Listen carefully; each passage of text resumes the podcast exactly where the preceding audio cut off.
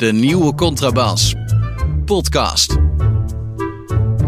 Over hedendaagse literatuur en de wereld daaromheen. Met Chrétien Breukers, een elitaire Limburger. En Hans van Willigenburg, zomaar een Zuid-Hollander. Ik mag niks meer over cijfers zeggen, uh, maar ik kan ook niet ontkennen dat dit uh, de 103e aflevering van de nieuwe Contrabas podcast is. En dat we, wat mij betreft, in een soort, ja, we, we komen langzaam, gaan, zwemmen we een soort zwart gat in tussen de 100 en de 200. Maar op een manier dat ik denk, ja, uh, meneer Breukers en meneer Van Willigenburg zijn ook niet meer de jongste. Met andere woorden. Nee, Halen we de 200 wel? Hè? Dat, is, dat is nog de vraag. Ja. Ik heb af en toe, ik weet, heb jij dat niet af en toe? Dat ik denk 103, jezus mina. Ja, ik, ik zat laatst uit te rekenen, we hebben minstens 103 keer een uur met elkaar gepraat. Toen werd ik, ja. mij ook even klam om het hart. En, dat was, en dat zijn nog niet eens alle uren die we gepraat hebben, kun je nagaan. Dat is... Wel het merendeel, toch? Ja, wel, wel het, ja, op een gegeven moment spaar je het een beetje op voor die wekelijkse uitbarsting die, die, die er komt. Uh, ja, en er zijn reacties binnengekomen, want die, uitbarst, die wekelijkse uitbarstingen, die gaan sommige luisteraars iets te ver, volgens mij. Er waren uitbarstingen, ja. En, en, en, die, die uitbarsting van vorige, vorige week, die ging in ieder geval één luisteraar, die had zoiets van, nou, nou, nou, de Etna, moet dat nou? Nou, ik heb, nou, dat zei hij niet, maar hij zei, het, is, uh, het was een reactie op Spotify, begreep ik van ene M. Schram. M underscore Schram. Dat zijn echt van die internetnamen. Een uh, beetje verschillen van mening lijkt me gezond, maar moet het zo scherp? De sfeer van de podcast is ook belangrijk voor mij als luisteraar. Dus die vond het een beetje, we gingen wat door zijn sfeer heen. Maar goed, laten, laten, we ons laten we ons troosten met het idee dat de Etna ook niet elke, elke dag of elke week of elk jaar uitbarst. Dus laten we een beetje die frequentie proberen aan te houden. ja, we doen 101 keer doen we een aflevering speciaal voor M. Schram. En dan een halve aflevering daarna, één keer om de 102 keer. Dus bij de 205ste keer mogen we weer een keer, uh, gaan we weer een keer los. Een keer maar dat, tot die tijd blijft de sfeer uh, weer helemaal paletti. Blijft alles goed, uh, meneer okay. Schram of mevrouw ja. Schram, dat weten nou, we eigenlijk volgens niet. Volgens onze, is een nieuw woord wat we net hebben uitgevonden, volgens onze eigen podcoach, Erik dus. En onze humanistisch adviseur ook, niet te vergeten. Vooral. Ja. Uh, moeten we, of is het handig om aan het begin van de podcast even te noemen welke boeken, CQ boek, uh, we in de podcast gaan bespreken. En we gaan dit keer in de podcast bespreken Arno Grunberg met zijn pas verschenen uh, bundel Waarheidsliefde en Biefstuk onder titel Essays over lezen en schrijven. Nou ja, ik bedoel, um, als we daar niet iets, als we daar niet even een tijdje mee zoet zijn, dan weet ik het ook niet. En ik doe nog een kleine close read van de nieuwe bundel van Rut Lasters. En die heet volgens mij Tijgerbrood. Weet je wel, dat is dat vieze brood wat in de supermarkt uh, te koop is. Van het witte, uh, toch? Of niet? Ja. Ik weet het niet, ja. Tijgerbrood. tijgerbrood, weet je nog? Dat was toch iets uh, met, met, daar zat zo'n tijgermotiefje boven. Ik, kom al, uh, ik kom al 40, 40 jaar in bakkerij en, en ik zie soms, soms tijgerbrood liggen. Maar ik ben nog nooit in opleiding ja. geweest zelf tijgerbrood. Welk soort brood koop jij, Hans, als ik vragen mag? Heel even. Ja, even wat daarin van bruin knip of zo?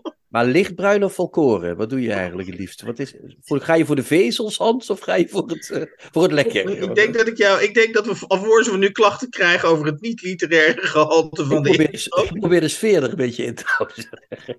Nee, maar ik, ik, ik, neem zelf altijd pandabrood. En in het begin dacht ik echt, maar nee, dat is niet waar. Dat ik dacht dat er panda's in zaten. Maar ik, begreep, ik begreep nooit waarom dat zo heette. Maar dat schijnt een soort subsidie voor de panda's geweest. Ooit een soort subsidie voor de panda's geweest te zijn. Oh. Maar ik neem het nog steeds. Bij Bakkerij de Bie in, in de Hezelstraat. Gaat allen daarheen. Maar goed, we gaan verder. Ja, Hans, een onderwerpje op je lijstje. Ik, ik, heb echt de Limburger nu in jouw los. Die, die komt de kruidenierenbij is nu... Uh... Het kruideniersadvies over. Ik kan je ook nog wel een beetje glasje melk erbij. Karnemelk misschien.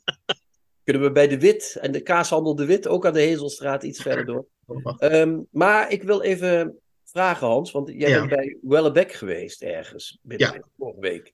En ik heb nog niet gehoord. Uh, er was afgelopen, even uit mijn hoofd, afgelopen zaterdag was in, uh, in Amsterdam, in het, uh, vlakbij het Amstelstation, een, een, vrij duister bedrijventerrein. Um, waar, waar een ja, soort atelier gewisseld was. En daar was een, een meeting met Michel Wellebeck. Ik, ik stapte in mijn auto. Ik had van tevoren al een beetje een vreemd gevoel over die bijeenkomst. En um, voor de mensen die zich herinneren dat we het laatste, de laatste roman van Wellebeck hebben geanalyseerd, Vernietigen. mijn hoofdmotief, of in ieder geval de grote lijn die ik in dat boek zag toen, was desintegratie. En ik vond deze avond, vond ik wel op een of andere manier, heel erg passen bij het thema desintegratie. In de zin, ik had het idee dat er allerlei verschillende subgroepen waren, in één ruimte verenigd, maar totaal, met totaal andere agenda's. Dus uh, Michel Wellebeck had geen andere agenda dan in een stoel te gaan zitten en de vragen eh, te beantwoorden. Dat vind ik op zich een goede houding, toch? Voor ja, Sarah, Sarah de Splinter had uh, als agenda om in ieder geval te laten zien dat ze niet over één nacht ijs is gegaan. En dook in, stelde allerlei vragen, diepe vragen over verschillende boeken van Michel Wellebeck. Maar aangezien hij in het Frans antwoordde, dat moest daarna weer in het Engels vertaald worden, kreeg je dus de merkwaardige situatie dat het publiek ja, een beetje elkaar een beetje, enigszins bevreemd begon aan te kijken van... Uh, ja, het was lastig te volgen, laat ik het zo zeggen. Ja. Nou, en dan speelde er ook nog dat Kirak-verhaal natuurlijk, want Kirak... Uh, seksfilm, zeg maar, hè? Dat is ja, dat, ja. dat zijn dus voor mensen die Kirak nog niet kennen, dat, zijn dus kunst... Dat is een kunstcritici collectief, als ik het mm goed zeg. Ja. En die maken films. En, die, en, en Kirak heeft zich opgesplitst. Dus wat was het geval? Uh, de, de, enige, de ene helft van Kirak, uh, die heeft zich dus aan Wellebeck verbonden. En die had deze avond georganiseerd. En de andere helft van Kirak, die dus nog in een, in een rechtszaak met Wellebeck is verwikkeld. Uh, Stefan Ruitenbeek in dit geval en, en uh, consorten, die waren er ook. En uh, Stefan Ruitenbeek had zich als kakkerlak verkleed. Omdat, dat is wel heel toepasselijk. ja, omdat Michel Wellebeek hem als kakkerlak schijnt te ja, hebben precies. Ja, ja, ja, en die had weer die, die dame bij zich die, die zich in al die films ja, een soort van prostitueert. En die trok om, om de gemoederen eventjes een beetje op stel te zetten haar t-shirt omhoog. dus we konden ongeveer twee seconden genieten van haar blote borsten. Jongen, jongen, een heuse gebeurtenis. Uh, zeg maar. Nou ja, het, kortom, wat ik zei, het was, uh, het was een beetje een vreemde bijeenkomst. Uh, maar waren er veel mensen op zich, of niet? Ik denk een stuk of 60, 70, zoiets. Nou, dat is wel weinig, hè, zo'n beroemde auteur, vind je niet? Ja, of, nou, dat, dat, lag ja. dat aan de locatie, die wat geheime locatie? Ja, die locatie was, die was wel vrij obscuur, ja. Ja, oké. Okay. Maar was het nou nog leuk om de, heer, de, de oude meester uh, te horen spreken, of dat niet? Uh... Ja, het meeste wat hij zei, dat, dat, dat, dat wist ik natuurlijk wel. Dus, dus uh, ik, heb, ik heb vooral met Sarah de Splinter na afloop heb ik, ja, na, een, na, een nabespreking gedaan, laat het zo zeggen. Ja, nog even tot een uur of vier aan het bier gezeten. Nee hoor, in, om, 12 uur zat ik weer, zat ik weer, om twaalf uur zat ik alcoholvrij braaf in mijn auto terug naar Rotterdam. Ja, oké. Okay. En, en heb je wel, want ik begreep dat zijn vrouw zijn veters strikte tijdens Ja, ja dat, is wel grappig. Wil je dat eens vertellen? Want dat, want dat wil ik toch wel vastgelegd hebben voor de literaire geschiedenis. Uh. Ja, ja, zijn vrouw die, die, uh, die zat op de eerste rij. En die, uh, volgens mij was helemaal aan het eind van het interview. Volgens mij was het interview zelfs afgelopen. En uh, Michel uh, die, die las nog wat stukken na. Uh, of, en toen vond ze het kennelijk, zag ze dat ze de veters los zaten. Dus toen kwam ze even naar het podium en, en, en strikte ze zijn veters. Ja, dat vond ik wel een hilarisch detail. Ja. Dat vind ik ook heel lief op een of andere manier. Dat, ja, dat ja, vrouw... ja, ja, maar toch nog even zorgt dat die verloederde Wellebeck er niet helemaal uh, voor, voor evenveel uh, ja. bij ja. Nou moet ik erbij zeggen, maar dat is een, uh, dat ik hem dus 23 jaar geleden in het jaar 2000 geïnterviewd heb. Dus echt inmiddels natuurlijk heel lang geleden. En dat, dat ik toen tijdens dat interview dacht dat hij zou overlijden. Hij zag er heel slecht uit en, en ik dacht dit wordt... Dat hij wel nog tanden. Hij ook heel erg. En ik moet wel toegeven dat, dat hij 23 jaar later, ziet hij er ongeveer hetzelfde uit. Ja, zoals mijn moeder altijd zegt, krakende wagens lopen het langst. Hè? Dat is het ongeveer. Dus uh, hij kan nog wel even mee. Uh. Ja. Maar dat is dus, uh, ja, het is wel treurig. Hè? Dat is dan de grote Franse schrijver. En daar zitten 60 ja. mensen, waarvan een paar van die oproerkraaiers bij. van die, van die, van die Kirak-types. ja. En dat is het dan. Ja, dat is het. Dat, ik ben ook ja, en er was een, een, een, een semi-ontklede vrouw die een beetje, uh, zeg maar, om, om hem heen die zijn drankje neerzette, die, die de bladzij omsloeg. Die nog, hij vergat, dat vond ik ook een leuk detail trouwens. Hij vergat regelmatig zijn microfoon. Hij, dus de microfoon lag af en toe in zijn schoot als hij een vraag kreeg. En dan ging hij praten en dan moest iedereen hem steeds opnieuw attenderen dat hij zijn microfoon moest pakken. En dronk hij ook wijn tussendoor? Ja, sorry dat ik zo uh, gedetailleerd... Nee, hij, hij, hij, dat is ook bekend van Michel Houellebecq. Hij drinkt, uh, ik zag hem volgens mij niet drinken, maar wel roken. Dus hij, hij scheen ook uh, heel lang in de, de hotelgids in Amsterdam, scheen die, of in ieder geval hij of zijn vrouw heel lang doorgezocht hebben, want hij wilde in een hotel waar je kunt roken. En dat schijnt nog een heel probleem te zijn in Amsterdam. Die zijn er bijna niet meer, denk ik. Die zullen nee, exact. En het feit dat Michel Houellebecq, eh, dat is voor, voor de kenners die weten dat, dat hij zijn sigaret tussen zijn middelvinger en zijn ringvinger vasthoudt. Uh, in plaats van uit, ja, ja, ja, tussen zijn wijsvinger en zijn middelvinger. Ja, dat ziet er heel kunstzinnig uit. Ja, ja, ja. Ja, we kunnen uren over Wellebeck praten, maar dat is niet misschien. Maar het was. Het, nou, was een... nog een klein detail erbij. Ja. Uh, en dat is dus even iets heel anders, maar heeft ook met Wellebeck te maken.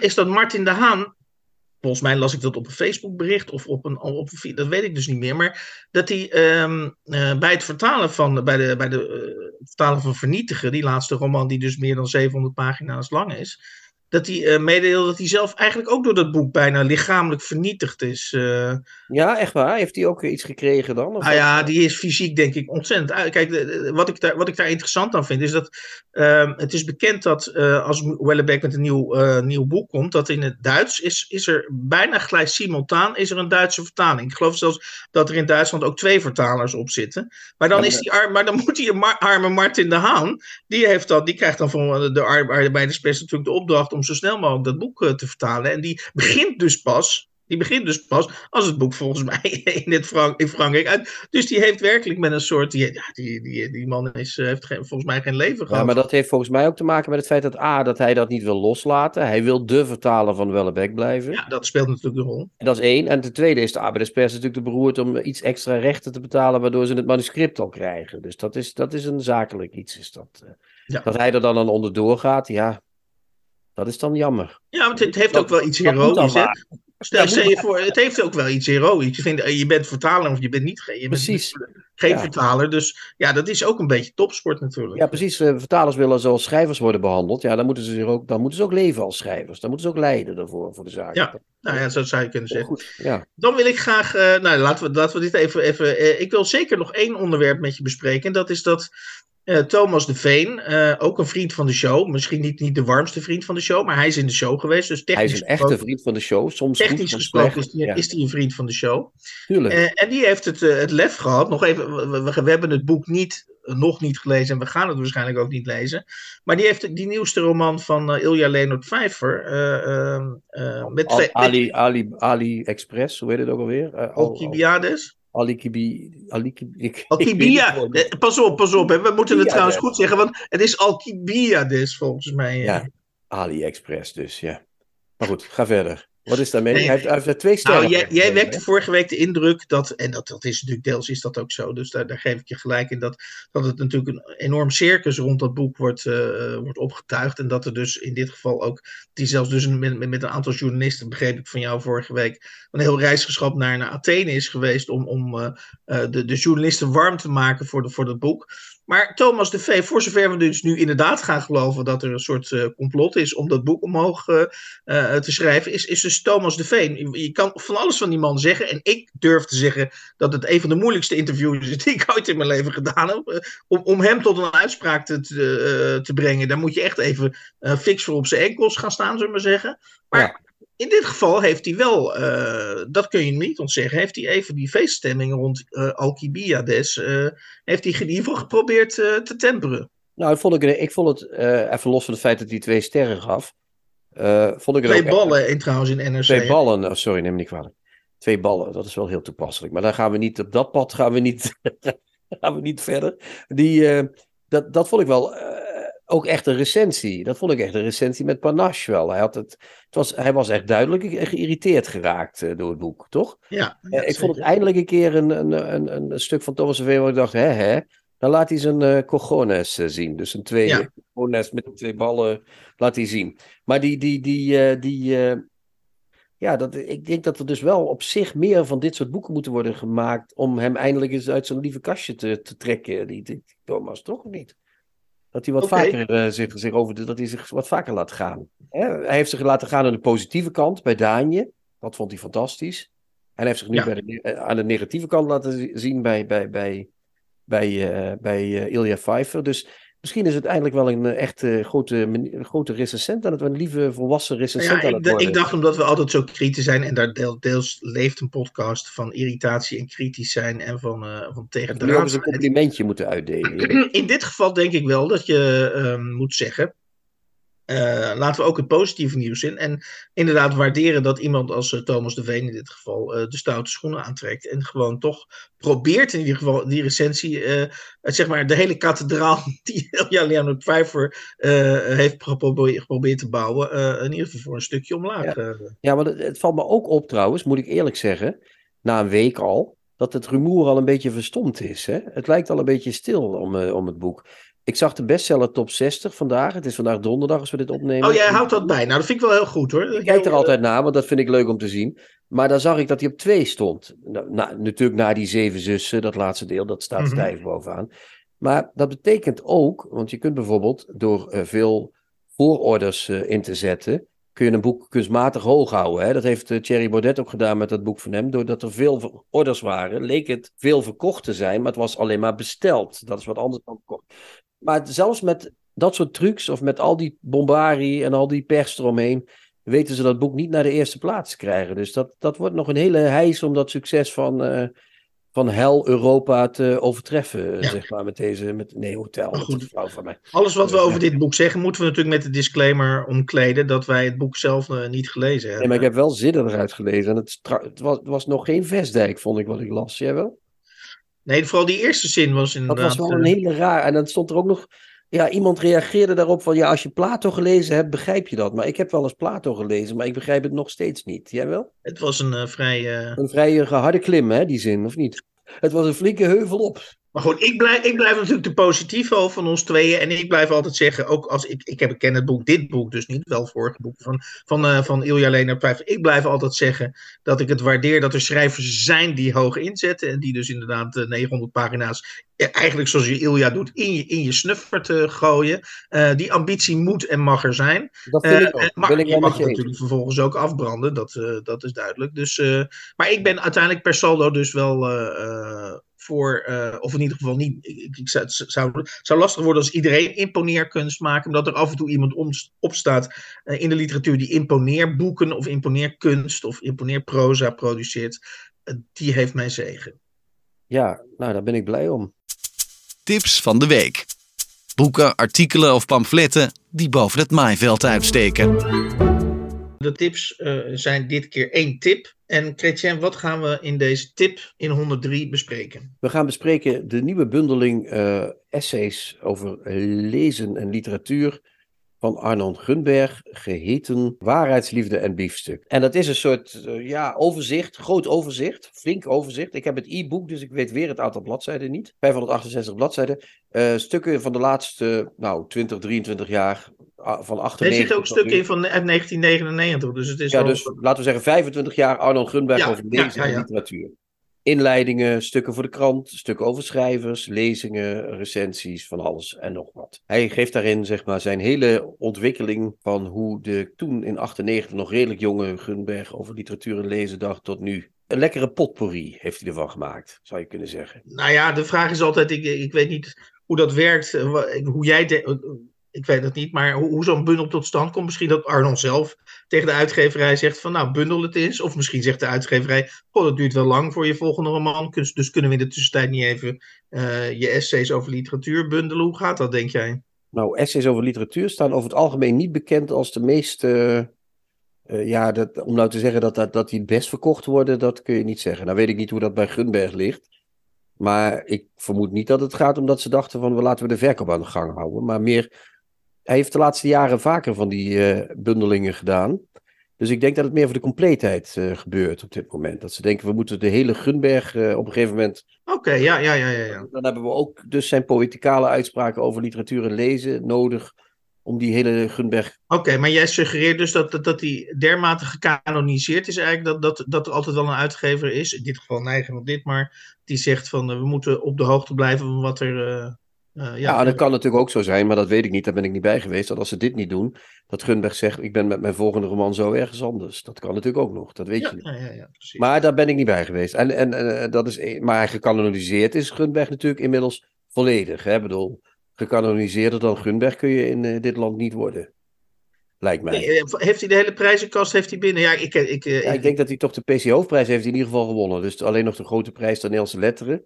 En dan is hij een soort Cees Notenboom geworden. Hè? Dan, is het, uh, dan, is het, dan kan hij de rest van zijn leven in Spanje gaan zitten naast Cees. En dan, uh, ja. Hoogste tijd voor het, voor het boek zelf. Hè? We draaien er een beetje omheen, heb ik het idee. Nou, ik draai er omheen omdat het moeilijk is om, um, omdat het boek te beschrijven. Wat ik al zei, het is een potpourri. Hij beschrijft um, heel veel schrijvers. Van, van, van, van hele bekende tot uh, minder bekende. Van, ja. van Jozef Rood tot Isaac Alfred, Babel. Uh, Alfred Hayes. Uh, een prachtige boek In Love, wat ik heel leuk vond, wat ik toevallig ja, net laatst gelezen heb. Friedrich Nietzsche, maar ook Nederlander Jan Wolkers. Elfriede Jelinek, hij, Marga Minko. de, de, de, ja. hele, de hele poppenkast komt voorbij. Die de Maupassant. Ja, en wat me opvalt aan die stukken, dat is wel een, een lijn die ik heb gevonden, dacht te hebben gevonden is dat hij in die, wat hij in die stukken heel vaak doet, is zelf een redenering opzetten. Vindt hij met een lijntje en dan gaat hij dat helemaal uitwerken. En dan begint hij zichzelf, na halverwege, denkt hij, nou, nu ben ik, begin ik me te vervelen met mezelf. Dan gaat hij zichzelf een beetje tegenspreken. Dan gaat hij zeggen, nou, je kunt natuurlijk ook zeggen dat het niet zo is, of dat het wat anders is. Ja. En dan begint hij het langzaam weer af te breken. En dan komt hij meestal toch weer terug op zijn oorspronkelijke stelling. Dus hij Oké, dus dat, dat is een soort spanningsboog of een soort, soort, soort uh, route die hij steeds neemt. Ja, zo'n route. Die, ik zal eens een paar voorbeelden erbij uh, uh, pakken. Eenmaal in het eerste stuk al, over stijl is dat. Dat vind ik natuurlijk ook heel, dat vind ik sowieso interessant. Stijl is een leugen. Daar is hij trouwens ook goed in, hè? in het verzinnen van... Uh, van ja, uh, aforismes. En, aforismen die, waarvan je denkt ze zijn waar, maar als je er lang over nadenkt, dan denk je, ja, maar wat, wat hoezo? Stijl is een leugen. Dat, is echt... dat moet je niet doen. Je moet er niet te lang over nadenken. Maar goed, ja, oké. Okay, ja. Dat is juist waar de literatuur toch uh, voor begonnen is. Ja, daarom werden we het vorige week over het water drinken ook niet eens. Maar daar gaan we het niet meer ja. over hebben. Maar goed, ga door. Nee, oké. Maar dan heeft hij, begint hij over, dat gaat over Babel, maar dan begint hij met de stelling dat een verhaal of een roman niets anders is dan een verzameling zinnen. En dat is dus dat je, als je die wilt bestuderen, die roman, dan kun je het eigenlijk alleen maar hebben over die zinnen die in het verhaal staan. En dan zegt hij iets heel leuks. Je kan het natuurlijk over perspectief hebben, over compositie, over originaliteit, over vertelde tijd, over de vraag wie de verteller nu eigenlijk is. Dat is misschien ook wel aardig, maar eigenlijk gaat het dan om een soort pseudo-wijsheid. En dan denk ik ook weer, hoezo, hoezo pseudo-wijsheid? Dus dan, dan, dat, is, dat klinkt omdat hij het zo met veel uh, panache zegt, denk je, ja, dat is waar. Mm-hmm. Dat je twee bladzijden later ineens denkt, ja, maar wacht eens even, welke, waar, waarom ben ik hierin meegegaan? Uh, ja. En dat is één aspect wat me opviel. En dan gaat hij ook zinnen van, um, dan gaat hij zinnen van Babel, hoe noem je dat? Um, zeggen waarom die zo goed zijn. En die gaat hij close readen dan, of niet? Ja, die gaat hij dan een beetje close readen. En dan zegt hij bijvoorbeeld, heeft hij een verhaaltje dat heet, want Babel maakt allemaal van hele korte verhalen, hè? Uh, het miniatuur noemt hij dat, mijn eerste honorarium. En dat begint met de zin, om in het voorjaar in Tiflis te wonen, twintig jaar oud te zijn en door niemand bemind te worden. Dat is een ramp. Zo'n ramp overkwam mij. Dat is dus een zin van Babel. Mm -hmm. En dan zegt hij zelf, vergelijk, ik woonde in het voorjaar in Tiflis was twintig en werd door niemand bemind. Dubbele punt, een ramp. En dan zegt hij, de informatie die wordt doorgegeven is exact hetzelfde, maar zin 2 kan je door de goot spoelen en zin 1 is een kostbare diamant die je aan je buurmeisje geeft op de dag dat je haar ten huwelijk vraagt. Mm -hmm. En heb jij gehoord hoe die twee zinnen gingen, Hans? Vond je die allebei, vond je die ene echt zoveel significant veel mooier dan die twee. Dat echt, echt... Nee, maar goed, ik, in, in, in, in ieder geval misschien in eenzelfde soort sfeer uh, terechtkomen als vorige week. Ja, ik heb het echt totaal anders gelezen. Kijk, jij, ja, jij, jij... Ik, ik, ik, ik, krijg mededelingen van Gunberg en dan denk ik, nou, dan wil ik ook eens weten wat ik daar zelf uh, van vind, toch? Of niet? Essays die zet hij aan tot zelf uh, nadenken. Dus niet, uh, Goed, ik, niet, ik, ik, heb het idee dat jij. Alleen vraag ik me steeds af, wat zegt hij eigenlijk? Dat, dat, ja, dat, maar ik heb het idee dat hij. En, en, hij maakt ergens zelf, ik weet niet meer in welk stuk, maakt hij ook een vergelijking tussen alfa- en beta-wetenschap, dus literatuurwetenschap en wiskunde. En, en dat de literatuur eigenlijk alleen bestaat bij, bij de gratie van het feit dat, zij, uh, dat, dat de taal, in tegenstelling tot cijfers, uh, nooit een, een eenduidige uh, zeg maar, um, uitkomsten hebben. Ja, dan kun je zeggen dat is een, misschien een open deur, maar... Um, Vind je mij nou Doris, Doris schoolmeester als ik dit soort dingen... Nou, zo... een, be een, beetje wel. Kijk, als, als ik, ah. ik, heb zelf, ik heb zelf literatuurwetenschap. Gaat de sfeer weer.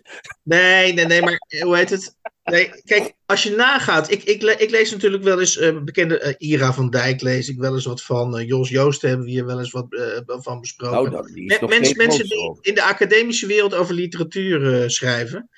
En nou, ik word daar doorgaans niet warm van. En ik vind de toegankelijkheid waarmee Grunberg, nou ja, grote schrijvers, daar iets zinnigs over probeert probeer te zeggen. Ik vind dat heel erg inspirerend. Ik heb het boek met ongelooflijk veel plezier gelezen. Ik, ik, ken niet alle, misschien is dat het verschil met jou, uh, Chrétien. Ik heb niet, ken niet al het werk van alle schrijvers die hij, uh, die hij noemt. Dus uh, ik kan ook niet alles verifiëren wat hij daarover zegt. Ik ken het ook niet allemaal, maar wel veel. Moet ik ja, ja dus, dus ik kan het, hè, dus, dus in die zin, ik kan het niet allemaal ver verifiëren.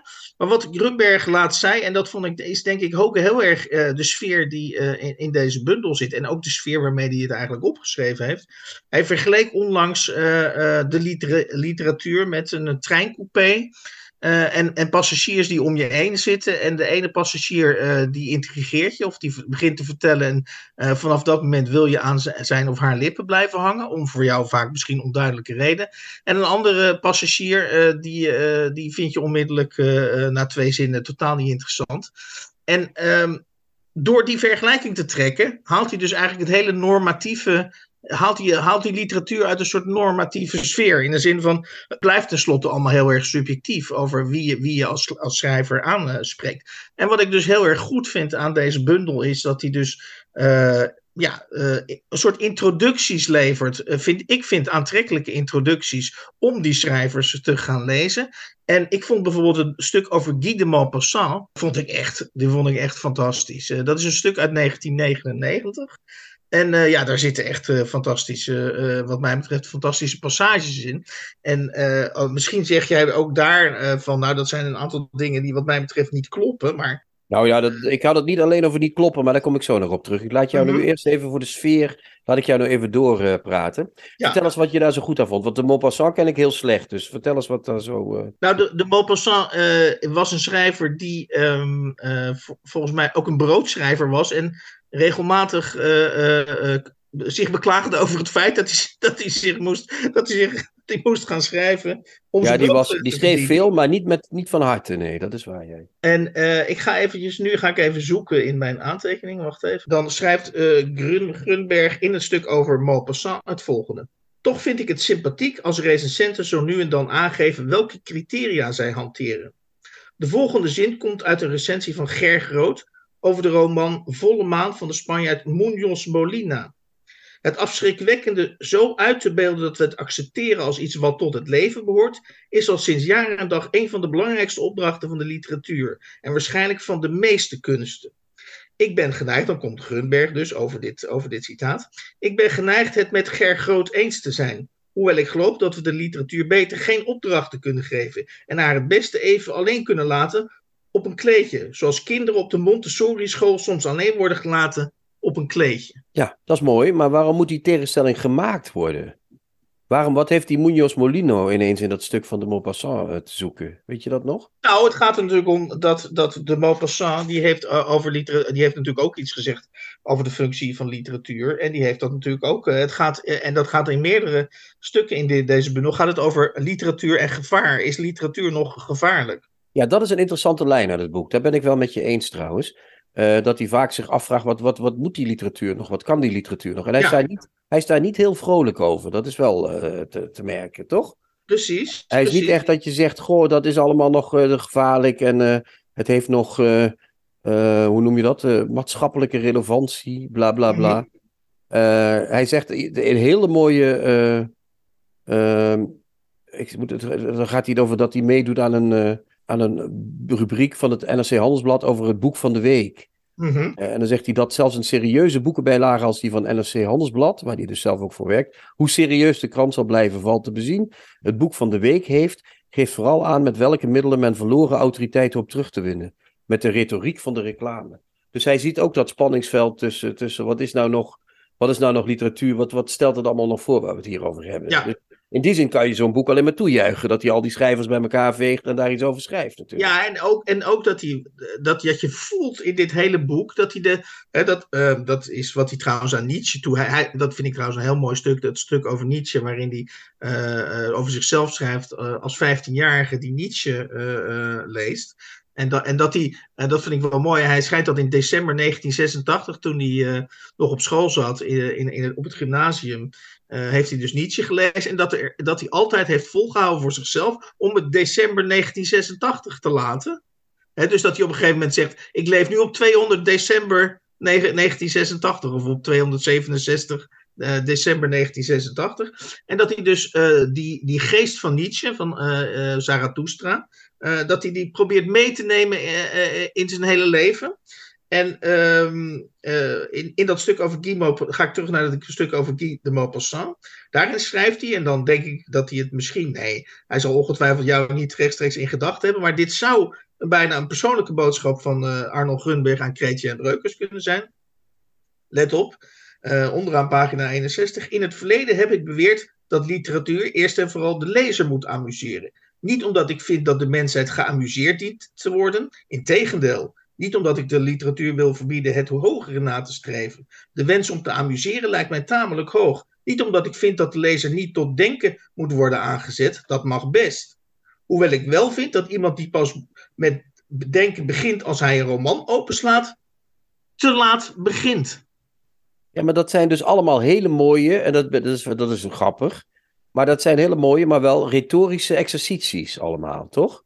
Ja, en wat wil je, wat wil je, wat, wat, wat, wat, welk bezwaar heb je daartegen? Nou ja, bijvoorbeeld als je begint na te denken, dat laatste alleen al.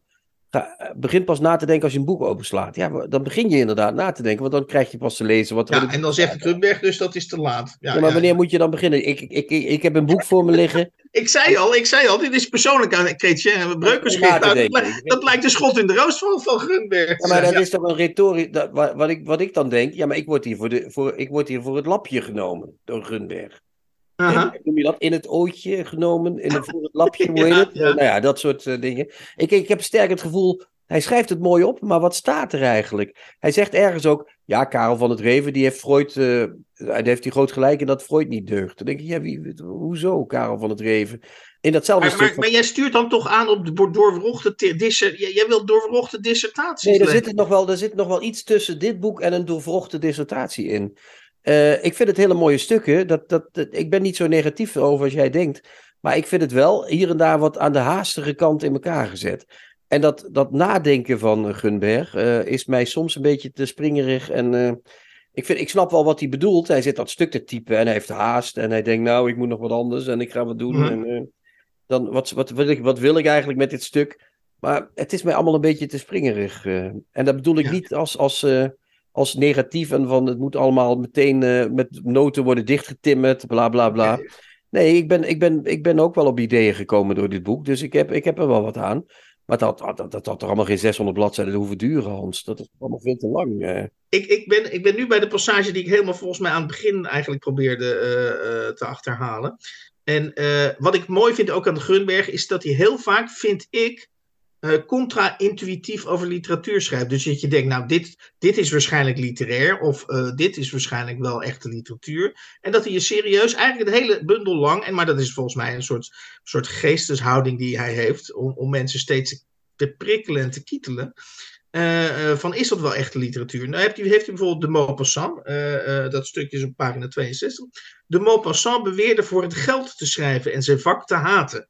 Als schrijvers dergelijke uitlatingen doen, zegt dat vaak veel goeds over de kwaliteit van hun werk. In een brief aan Marie Bashkirtsev uit 1883 schrijft de Maupassant, dubbele punt, het resterende derde deel van mijn tijd besteed ik aan het schrijven van regels die ik zo duur mogelijk verkoop. Het betreurend dat ik genoodzaakt ben dit vreselijke vak uit, uit te oefenen. Inderdaad. ja, dat is grappig. Ja, ja. Maar, maar goed, ga jij, ga jij, heb jij nu al drie boeken van de Maupassant gelezen, Hans? Hierna? Nog niet, maar nee, ik ben wel geen, absoluut geen, dat, dat, dat is denk ik wat, wat de kwaliteit van deze bundel is. Hij heeft me wel enorm geprikkeld om het te gaan, uh, gaan lezen. En om nog maar eens een door jou uh, vervloekt, uh, misschien vervloekt aforisme of, of, of een of een slimme, ook, e-, dat vind ik ook heel knap aan, aan, zijn schrijven, is dat het vaak heel economisch is. Dus ik vind het toch wel knap dat hij in vier, vijf bladzijden, in mijn ogen toch redelijk kort, je, je een, heel, een, heel, een hele sfeer van een werk naar boven kan roepen. Even verderop zegt hij dan bijvoorbeeld op als taal de telefoonlijn is, dan is taal de geheime frequentie die stoorzenders en ruis op een afstand houdt, zelfs in vijandelijk gebied, en er dus voor zorgt dat de schrijver zijn manipulaties gestand kan doen. Ja, maar dat is wel heel, dat is heel Grunbergiaans natuurlijk. Hè? Vooral het woord manipulaties is natuurlijk fantastisch. Ja, maar je kunt, niet, je kunt niet een boek van Grunberg verwijten dat het Grunbergiaans nee, is. Verwijten bij mij, ik ben niet alles wat ik zeg is een verwijt. Ik constateer slechts dat dit heel erg in zijn eigen straatje past, uh, wat hij hier zegt. Uh, dat, is, dat is heel mooi. Ik vind, ik vind ook, eh, ik vind eerlijk gezegd zijn latere stukken soms beter dan, dan zijn eerdere. Ik, die eerdere zijn wel grappiger, omdat hij daar alle kanten op schiet. Die vind ik mhm. juist, wat ik dus nu, wat jij dacht dat ik verweet hem, dat hij alle kanten op schiet, dat vind ik dan, uh, mm soms denk ik wel als een jonge jongen, hè, ga eens even terug naar wat je wilde zeggen. Ja. Maar op het laatste heeft hij, dan koppelt hij soms dingen aan elkaar, zoals op het allerlaatste stuk over Marga Minko die koppelt hij dan ineens aan Annie Ernaux. Dat, zou je, dat is wel het laatste waar je aan gedacht eh, zou mhm, hebben. En daar moet ik een wat langer stuk voor lezen. Mag dat of niet? Ja, tuurlijk, eh, tuurlijk, tuurlijk, Heeft hij een hele... Dan heeft ze over een... Eh, een dan gaat het over een vrouw die met haar minnaar is. in een van die boeken van Minko is een, minnaar, speelt een minnaar een rol. Maar dan zegt hij... Ik op mijn beurt moest denken aan het dagboek... dat de 82-jarige Nobelprijswinnaar Annie Ernaux schreef... over haar affaire met een Russische diplomaat Allicht een spion, gepubliceerd onder de titel Se Perdere, in het Engels vertaald als Getting Lost. Op 29 december 1988 schrijft ze dat SA belt en zegt, S is die uh, spion, hè, die man, mm vrijdag 10 uur. Daarop noteert Erno dan als een volwassen vrouw, voor de eerste keer in mijn leven huil ik van vreugde. Als Minko een Française was geweest, had ze de vrouw die verloren namiddagen, dat gaat dan over die vrouw met die minnaar, doorbracht in een hotel met een zakenrelatie van haar man vast ook ergens laten huilen van vreugde. Nu laat ze het bij deze middag is om. Erno en Minko maken allebei zichtbaar wat achter de verplichte aardigheid schuilgaat. Fundamentele betekenisloosheid die we niet al te makkelijk moeten koppelen aan oorlog, vervolging en vernietiging. Nou, dan maakt hij dus door twee schrijfsters te koppelen een hele mooie bocht naar dat hele oeuvre van Minko, wat natuurlijk altijd in het, in het licht van de oorlog wordt uh, gezien. Dus hij maakt Minko daar ook groter dan ze, dan ze meestal wordt gemaakt. Kijk, en dan vind ik het heel goed werken, zo'n zo'n zo'n exercitie. Ja, maar ik, zie aan je gezicht alweer dat je me te streng vindt, of niet? Nee, nee, nee, nee, nee, nee, Ik denk dat we allebei, nee, ik denk dat we redelijk in die zin op één lijn zitten. Kijk, jij leest, denk ik, met misschien een andere intentie dan dat ik het lees. Maar ik denk dat we het uh, uh, uh, redelijk eens zijn. Dat, dat, ja, ik vind het in ieder geval een inspirerende bundel over schrijven en literatuur. En wat me wel opvalt, wat ik jammer vind, maar dat heeft niks met dit boek te maken, is dat ik, ik hunker wel eens naar de, naar de de oude Gunberg. Dus ik zou zeggen de Gunberg uit de 20e eeuw. Uh, dat, hij zegt dat zelf trouwens ook in verschillende interviews. Dat hij vroeger nog brutaal was. Dat hij, dat hij reputaties aanviel. En dat hij op een bepaalde manier destructief uh, was. En dat hij nu, nu vind ik het zo jammer dat Arno Gunberg, uh, ja, het is een soort, hij is een soort dienstverlener geworden. Hij komt, hij komt bij u uitleggen, en dat doet hij natuurlijk ook een beetje, maar goed, ik vind wel dat hij dat inspirerend doet. Maar hij komt bij u uitleggen, uh, zeg maar, het is nog net niet Veronica komt naar je toe deze zomer, maar uh, hij komt bij u uitleggen hoe, hoe, de, hoe het werkt in de literatuur. Hoe, hoe het werkt in de literatuur. Ja, we moeten, we moeten het, hij is dus dien, het is heel erg dienstverlenend. en ik vind dat. Um, ja, ik vind dat ook wel. En, en hij zegt steeds, eigenlijk zegt hij met deze bundel, ook door ze allemaal te bundelen, van kies zelf maar uit wel, welke stukken je door geïnspireerd bent. Uh, je kunt uh, Nietzsche gaan lezen, maar je kunt ook Marge Minko of Annie Ernaux gaan lezen. Maar het feit dat er iemand is, in dit geval Arnold Grunberg, die, uh, ja, die je dus met, vind ik, uh, en wat ik ook heel knap vind, is dat je 568 pagina's lang, dat, onder, dat constateerden we ook bij Annette Daanje, uh, die, dat die in een heel dik boek er geen onzinnige zin is aan te wijzen. Dat nou, dat, dat, daar zou ik in dit geval nog over willen twisten. Maar goed, okay, dat is, dat is, maar wat ik wel vind, is wat jij zegt, is heel interessant. Je hebt een Gunberg van tot, tot zijn 35ste grofweg, hè, dus tot, het, nou, tot zijn begin 30ste, begin, begin 20ste, 21ste eeuw. En die van daarna. En ik zei net dat ik die latere essays beter vind. Dus misschien heeft hij wel een soort Wolkeriaanse ontwikkelingsgang doorgemaakt. De essayist gaat het langzaam overnemen, Hans, dadelijk van de romanschrijver en van de brutale apen die hij toch was eh, in het begin.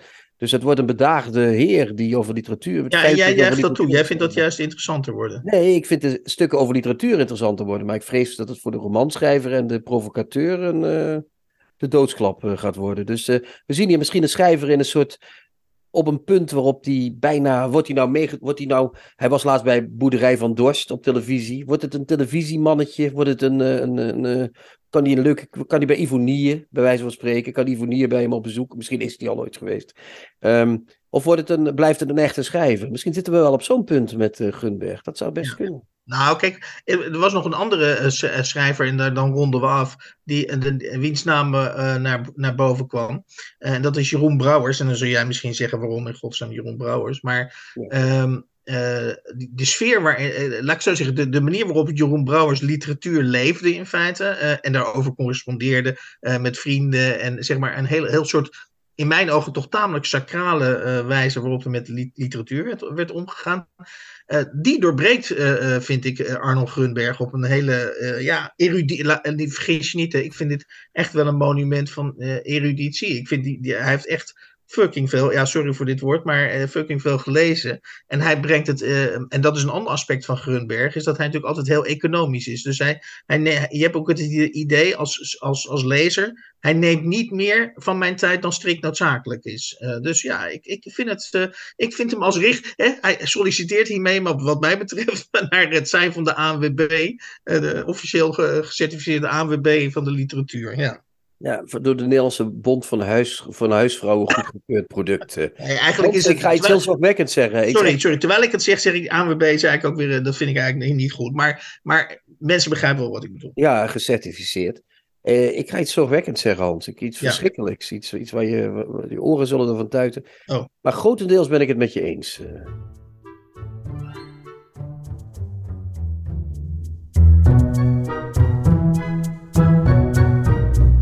De nieuwe Contrabas.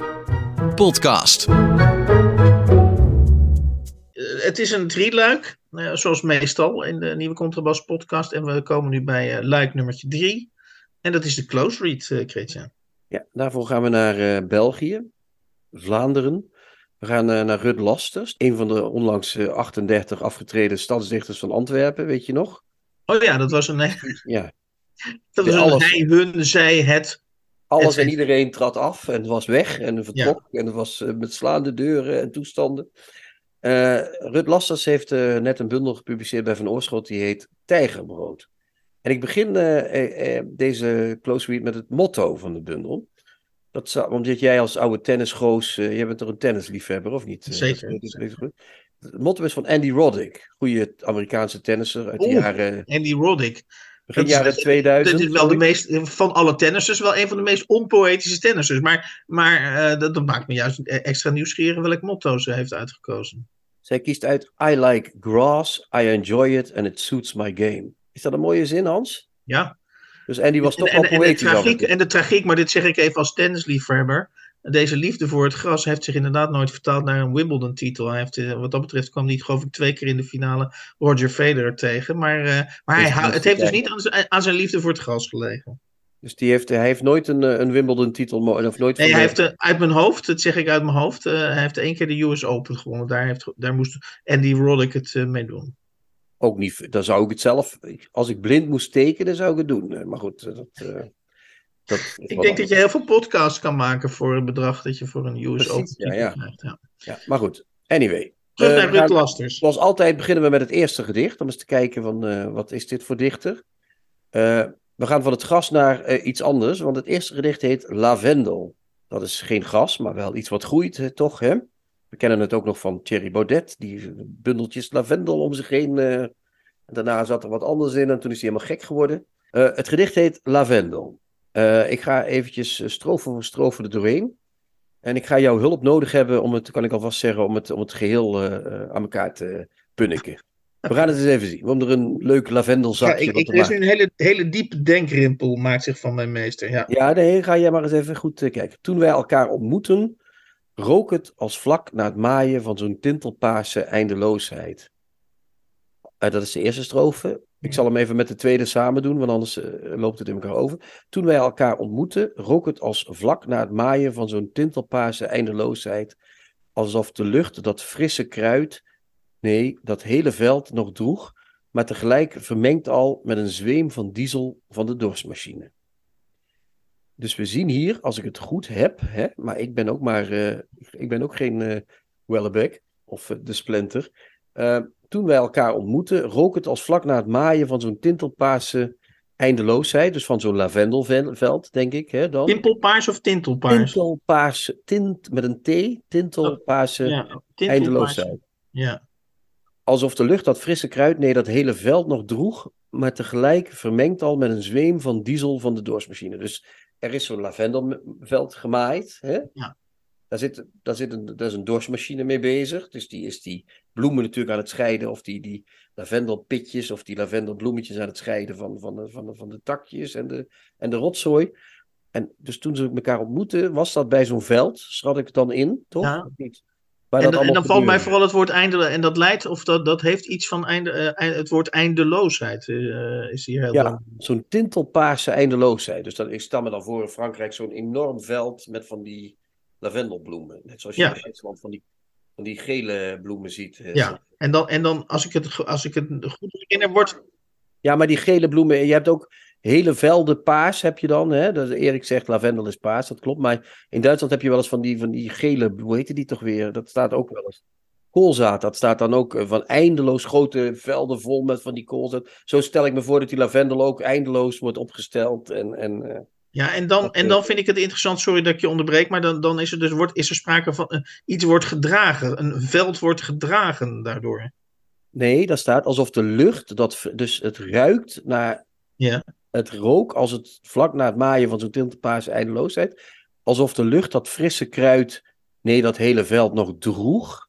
Exact. Dus, dus het, de, de geur representeert dan dat hele veld, toch? Zo zie ik dat dan. Uh, Niet met het veld zelf, maar de geur ervan die er nog over is. En wie draagt wat? Of wat, wat draagt wat? De lucht draagt dat hele veld.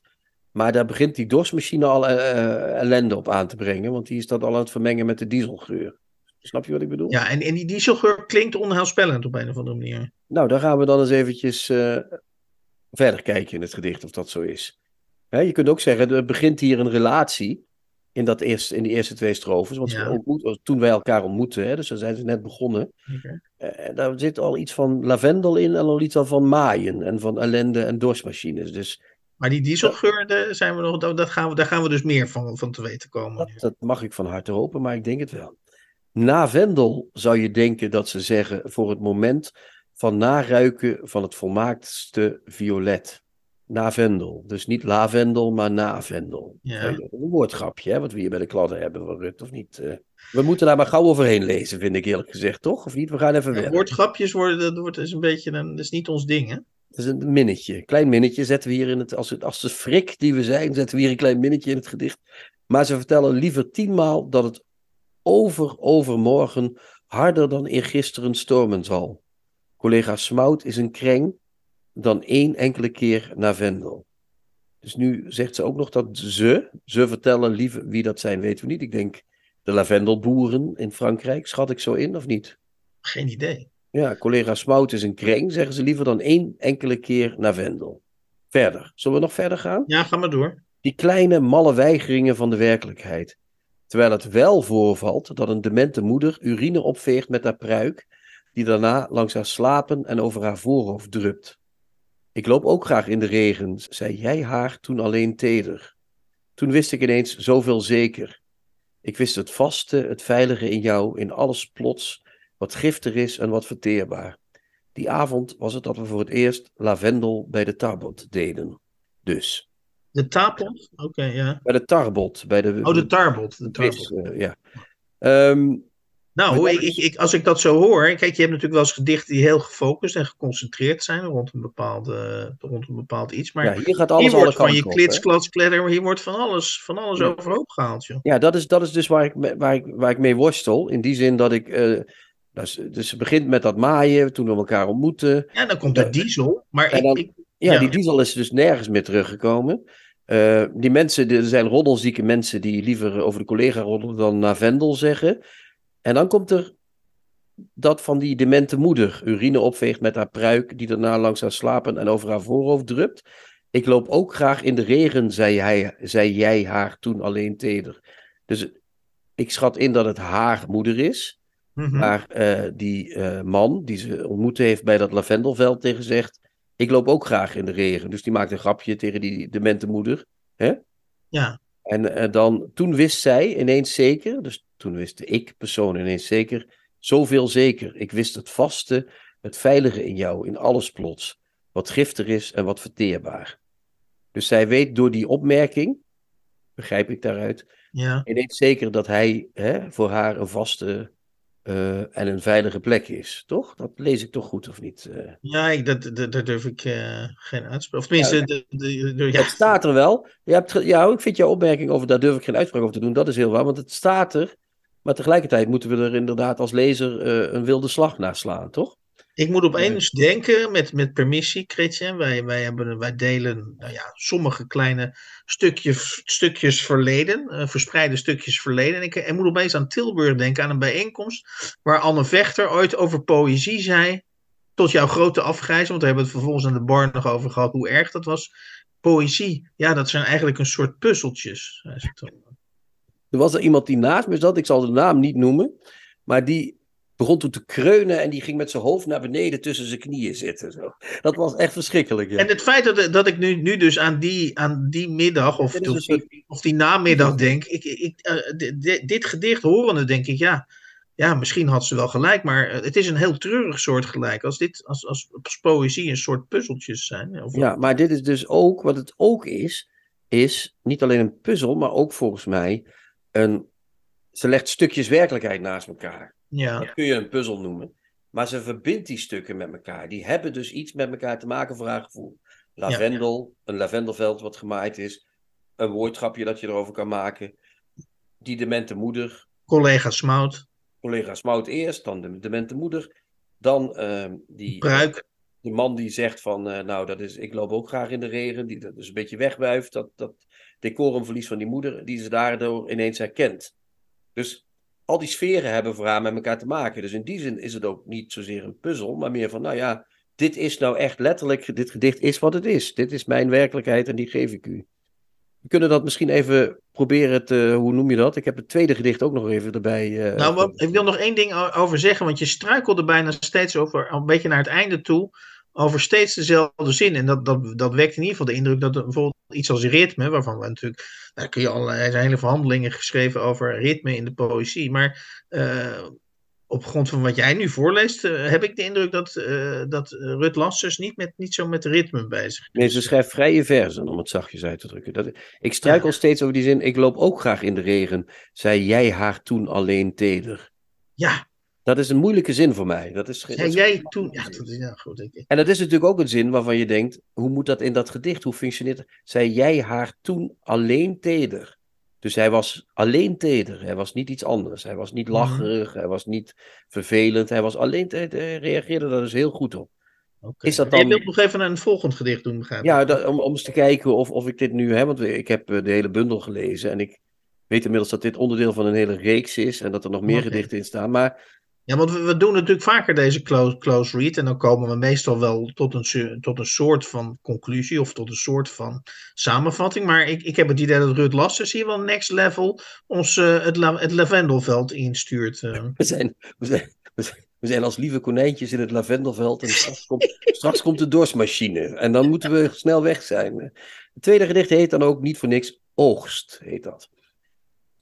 Op de plantage van het wat daar ook gebeuren mag, wordt tijdens het zaaien niet gepraat. Niet over misschien ooit echt alles wegpikkende kraaien. Niet over mogelijke droogte, als was heel de aardkluit slechts één korrel in de ooghoek van een slaapapneuë god. Soms spieden wij de lucht af naar een sproeivliegtuig dat alles tegen alles behoedt, maar enkel een reclamevliegtuigje snort over met een spandoek waar ik niet naar durf te kijken, bang dat je er voor een prikje onvoorwaardelijkheid op liet drukken. Adverteren hoog daarboven, alleen voor het wereldwijde telefoonboek met slechts landbouwers dat ik maar eens voor je maken moest, zodat je hen bij wanhoop één voor één kan opbellen, naar hun leeftijd vragen, horen hoe ook zij één getal zeggen, niet ik ben 23 rampzalige oogstjaren en 34 goede. Zelfs een boer uit Fukushima telt zich gewoon volledig bij elkaar. We zitten nog steeds in het lavendelveld, Hans. Al zitten we nu al inmiddels in Fukushima. Dat tweede gedicht vind ik, krijg, ik wel meer, krijg ik wel meer vat op. Maar dat gaan we niet nemen. Dat je het eerst dat hebt gaan we niet ook nog eens een keer helemaal... eh, helemaal eh, Ja, maar ik wil maar zeggen, ik denk dus, en dat is in, het, in de hele bundel moet ik zeggen van, van Rut Lasters. eh, wat zij doet is, en dat is op zich heel mooi, dat kun je heel mooi vinden of niet. Dat is maar net wat je wil. Zij, zij zet heel veel stukken werkelijkheid naast elkaar. Ja. Heeft daarbij ook, zoals het tegenwoordig hoort, een grote bevlogenheid voor de aarde. eh legt ze aan de dag. Ik hoorde Fukushima voorbij ja, komen. en ook eh, die, die natuurlijk die, die, die, dat lavendelveld en dat, eh, dat gif en zo. Dat is allemaal, ehm, we moeten allemaal uit. En de, God heeft ook al een slaapapneu, dus het valt allemaal niet mee in, de, in de wereld. Ehm, dus, maar die, die, die, dat monteren van die werkelijkheden, dat kan heel goed werken en dat kan minder goed werken. En dat is maar net wat je, wat je wil. En hoe vind je het hier werken? Ik vind haar vorige bundels beter, laat ik het zo zeggen. Die vond ik echt, ik vond soms echt heel sterk. En hier denk ik dat ze zich net iets te veel naar de vlakheid heeft laten zakken eh, in haar poëzie. Dus er had wel een wat hardere redactieslag overheen gemogen, maar het mag ook eindigen bij die vorige zin. Sorry. Weet je wat me wel opvalt, Hans? Nou, ja, ja, nou, nou, nou. Eh, dat is, poëzie wordt zo vol. Ik heb het idee dat hier te veel in staat. Begrijp je wat ik bedoel? In die gedichten die we voorgelezen hebben. Ja. en Er staat dit steeds en dat en moet wel weer en- wat. en- En, ja. ja. en dan denk ik, daar zitten echt geweldige gedichten in.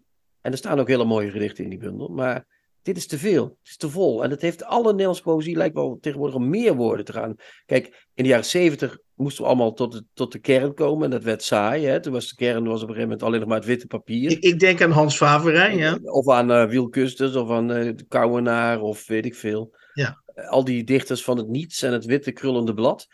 Toen kwamen de maximalen. Nou, dat was ook weer een beetje overdreven. En toen kregen we Duinker, eh Tonnes Oosterhof en eh, Elma van Haren. Hè. Toen kregen we een soort reactie daar weer op. Maar nu wordt het wel erg vol en bombast. Het spoken word-achtig. Alles moet maar kunnen. En ik moet daar toch bezorgde, bezorgde oude mannen terechtwijzing over geven. Dat moet ook weer niet. Wat ik onthoud is te vol. Te vol, Hans, te vol.